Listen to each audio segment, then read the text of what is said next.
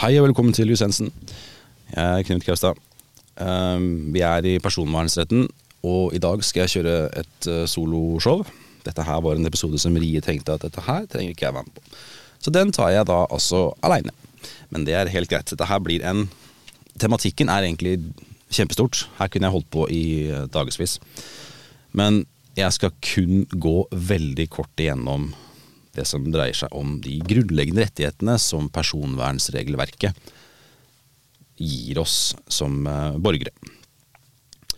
Dette her er helt klassisk et tema, tema som vi kan uh, utbrodere hver eneste rettighet på en langt mer inngående måte. Det har vi ikke tid til nå, da kommer podkasten til å bli timevis lang, og det er jo litt i strid med hele hensikten til Jusensen. Så det vi kommer til å gjøre nå, er egentlig bare kort gå gjennom de grunnleggende rettighetene som loven gir. Nevne kort hva det her faktisk inneholder. Og så vil det på sikt komme egne episoder om disse rettighetene. Og vi går litt nærmere inn på det. Men so far so good. De rettighetene som loven faktisk gir oss, er faktisk ikke så reint lite. Det kan virke som det er ganske kjedelig og lite og ikke så veldig mye å slå i bordet med, men rettighetene er faktisk ganske store og innebærer en god del jobb, faktisk, å holde ved like og etterleve som, eh, som behandlingsansvarlig. Vi begynner toppen, på toppen med retten til informasjon. Du har som en registrert rett til å få informasjon om hvordan denne behandlingsansvarlige bruker opplysningene om deg. Hva brukes det til, hvorfor, hvilket formål, hvilket behandlingsgrunnlag? Er det noen andre som får opplysningene? Hvor lenge sitter de på det? Dette her er informasjon som du skal enkelt ha tilgjengelig. Eh, dette her finner man som regel i form av personvernserklæringer. Du kan også finne det i samtykkeskjemaer osv., hvor du skal få all informasjonen om hva som faktisk berører seg. Dette her kommer vi, eh, vi kommer delvis tilbake til litt det her med en personvernserklæring seinere i denne batch med episoder. Men første rettighet du har rett til å få informasjon om hva som blir brukt om deg. Rettighet nummer to, du har rett til innsyn. Det vil egentlig si at du kan kreve å få innsyn hos enhver behandlingsansvarlig som har personopplysninger om deg. Du har rett til å få innsyn på hva er det de faktisk har om meg av personopplysninger. Eh, en liste over alle former for personopplysninger. Formålet, hvorfor de har det. Um, hvilket behandlingsgrunnlag det her er forankra i. Alt dette her sånn er informasjon du har rett til å få oversendt fra en behandlingsansvarlig. Om det så er en elementær liten nettbutikk, eller om det er Google eller Facebook, alt det her som kan kreves mot de, og du skal få det her i retur innen rimelig, innenfor rimelighetens grenser i et forståelig og leselig format. Så det skal være skriftlig informasjon om hva er det vi faktisk har på deg av informasjon, og hvorfor.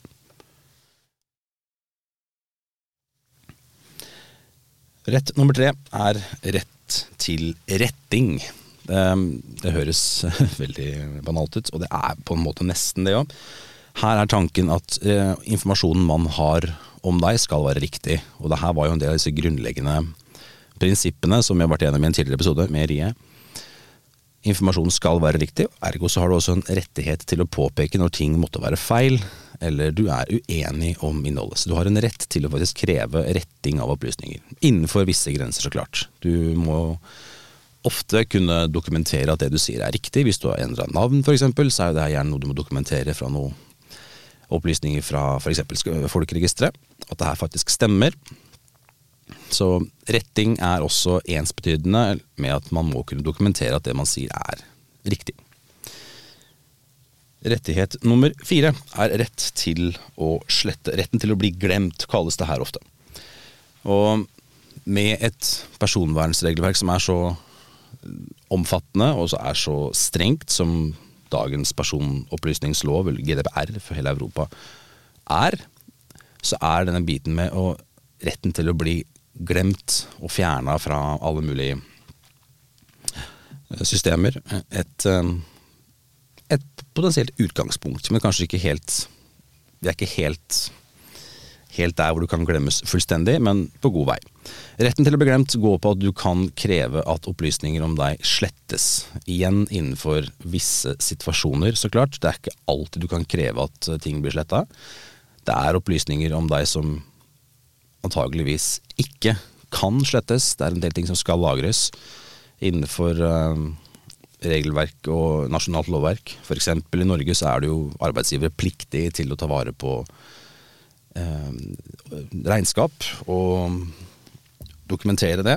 I disse regnskapene så ligger det gjerne ofte en hel del personopplysninger. Men de skal lagres i x antall år før man lovlig kan destruere det. Så du kan ikke begynne å påberope deg sletting med opplysninger som ligger i et regnskap som har en lagringsplikt, f.eks. Men i utgangspunktet så skal du kunne kreve at hvis dere er ferdig med å bruke mine opplysninger, så skal du i utgangspunktet kunne slettes, og du skal kunne glemmes, er tanken. Dette kommer vi til å gå langt nærmere inn på i en egen episode. Men nå er dere innforstått med kronstanken med retten til å bli glemt. En annen rett som er relevant, men ikke spesielt stor, er retten til å begrense behandling av personopplysninger. Dette her er en litt rar rett, for det er ikke noe vi helt intuitivt skjønner bare ved å høre navnet retten til å begrense. Hva i all verden er det? Det vil egentlig si at uh, du kan be virksomheter som behandler opplysninger om deg, om å endre måten de behandler opplysningene. Altså du kan be du behandle opplysningene til um, et minimum, et bare minimum. Uh, at de bare skal f.eks. lagres og ikke brukes til uh, nyhetsbrev, og at de skal brukes til uh, informative e-poster, legges inn i systemer. Du, du, bare vil at de skal kunne lagres for en periode. Det, begrensning er noe som henger sammen med, med situasjoner når man føler at, mener at opplysningene er f.eks. feilaktige at du krever retting, og fram til opplysningene er retta, så krever du at opplysningene dine vil behandles på et minimumsnivå fram til ting er riktig. Eksempel, det er en rett som er aktuell på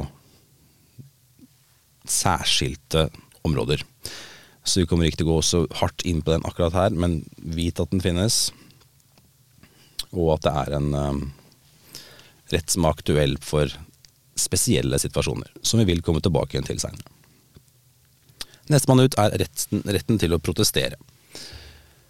I personvernsverden så er det jo sånn at du skal alltid ha et uh, behandlingsgrunnlag. Ting skal være, når det kommer til behandling av personopplysninger, skal ting være åpent og ærlig, og de fleste skal vite hva virksomheter bruker av opplysninger om deg. Gjerne har du ofte samtykka eller du har uh, gjort noe um, Du har signert en kontrakt eller noe sånt som tilsier at du skal få lov til å dele opplysninger med den behandlingsansvarlige. Men det er ikke alltid du kanskje har gjort det. Det kan også være situasjoner hvor behandlingsansvarlige har bare tatt opplysninger om deg og brukt det til det de måtte ønske, f.eks. innenfor markedsføring. Uh, og da handler man gjerne ut ifra det som kalles uh, en berettiga interesse. Det er et behandlingsgrunnlag som vi kommer til i en egen episode. Da har du ikke signert noe, du har ikke samtykka til noe, og da kan du nesten framstå som du står litt sånn rettsløs, og at ulike behandlingsansvarlige faktisk kan misbruke dine personopplysninger. Det har vi jo da et motsvar mot, eller et tiltak mot, mer, eller mindre. Det er den retten til å protestere. For dersom du er en del av behandlinger hvor man da egentlig ikke har sagt ja til, sagt ja til um, å delta, så kan du protestere på behandlingen. Det vil si at jeg vil ikke være med på den behandlingen noe, noe mer. Trekk meg ut av uh, de listene dere måtte bruke. I, forhåpentligvis så vil behandlingsansvarlig være innforstått med det og, um, og gjøre det. Hvis, dersom behandlingsutfallet ikke er forståelig på det, så vil jo saken da kunne påklages til Datatilsynet. Og så er det opp til dem å avgjøre om den behandlingen som behandlingsansvarlig gjør er lovlig eller ikke. Men du kan i hvert fall protestere på det og kreve at behandlinger stopper, og at man da eventuelt da kan slettes etter hvert. Det er bare ett eksempel på når retten til å protestere kan dras opp. Retten til å protestere vil være aktuell også i andre særskilte situasjoner, men i utgangspunktet så går det på å faktisk kunne si hardt ifra uh, med en hjemmel i hånda, uten å bare klage for å klage, men du kan si ifra med en hjemmel, med en hjemmel i hånd om at det her er ikke noe jeg vil delta på. Og jeg ønsker heller ikke at dere skal fortsette å bruke mine opplysninger. Og forhåpentligvis så vil det stoppe der. Kort om retten til å protestere, altså. Vi har to rettigheter igjen som vi kommer til å gå kort gjennom nå. Uh, det ene er rettigheter ved automatiske avgjørelser. Dette her er jo noe som er høyaktuelt. Um, flere og flere avgjørelser som tas i dag, er gjerne basert på algoritmer, og det er altså eh, teknologi som avgjør utfallet. F.eks. lånesøknader, hvor du taster inn en del ulike eh, personopplysninger. Fyller inn alt fra bosted, fødselsadresse, lønnsnivå, alt dette her. Og basert på de opplysningene du legger inn, så beregner denne algoritmen seg fram til et svar om du bør få lån eller ikke. Så det er, alt blir egentlig utgangspunktet avgjort av en uh, datamaskin. De rettighetene man har her, er faktisk uh, ganske um, ganske omfattende og fine å være klar over. For når det kommer til automatiske avgjørelser, så har du en rett til å for det første få vite hva er det den algoritmen faktisk beregner avgjørelsen sin på. Hvordan kommer man fram til svaret? Hva er liksom nøkkelen inn her? Så du skal vite det, hvilke faktorer er det man legger til grunn for å komme til et svar. Det er det ene. Det kan hjelpe deg litt på vei bare med å vite vi, hvordan man kommer fram til svaret. Og det andre er at du kan også kreve at et øh, menneske av kjøtt og blod kan faktisk ettergå og kalle det overprøve og revurdere denne beslutningen som den algoritmen tok. Så det skal ikke være mulig at man bare skal få la algoritmer og datamaskiner ta avgjørelser. Du skal kunne kreve at mennesker også går inn der og gjør en egen vurdering.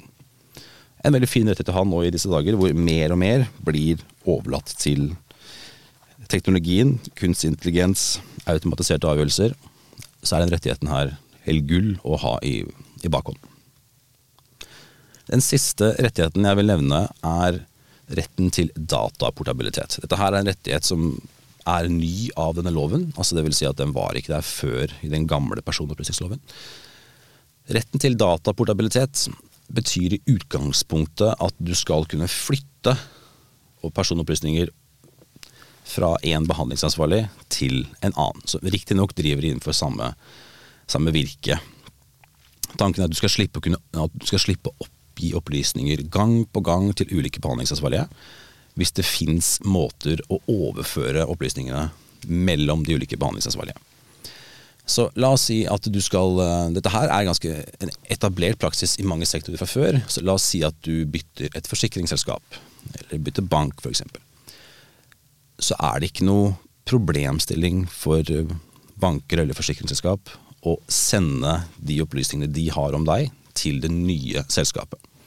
Så at du skal slippe å fylle ut alt av ny informasjon på nytt til det nye selskapet. Så det er allerede innarbeida. Dette er også en praksis som har blitt inkorporert nå i litt mer moderne tilbud, som f.eks. strømmetjenester. Så med retten til dataportabilitet så skal du i utgangspunktet kunne be Spotify overføre alt av opplysninger og personlige ting som f.eks. spillelister osv. fra deres systemer og over til f.eks. konkurrenten Apple Music, f.eks. Eh, det finnes så klart noen unntak og noen begrensninger, her, sånn, men kronstanken med dataportabilitet er at du skal kunne få overført dette her sånn fra en behandlingsansvarlig til en annen, uten at du er må oppgi noe opplysninger på nytt. Nå har vi gått igjennom disse grunnleggende rettighetene, som nå virker veldig søte og små, som egentlig er ganske store. Men nå har dere fått et innblikk i hva er det som ligger der, og hvilke rettigheter du faktisk har. Så vil vi etter hvert ha egne episoder, som sagt. Og da håper jeg at du hiver deg på de episodene og får med deg litt mer om de ulike rettighetene. Men for nå så sier vi takk og takk. Hei, hei.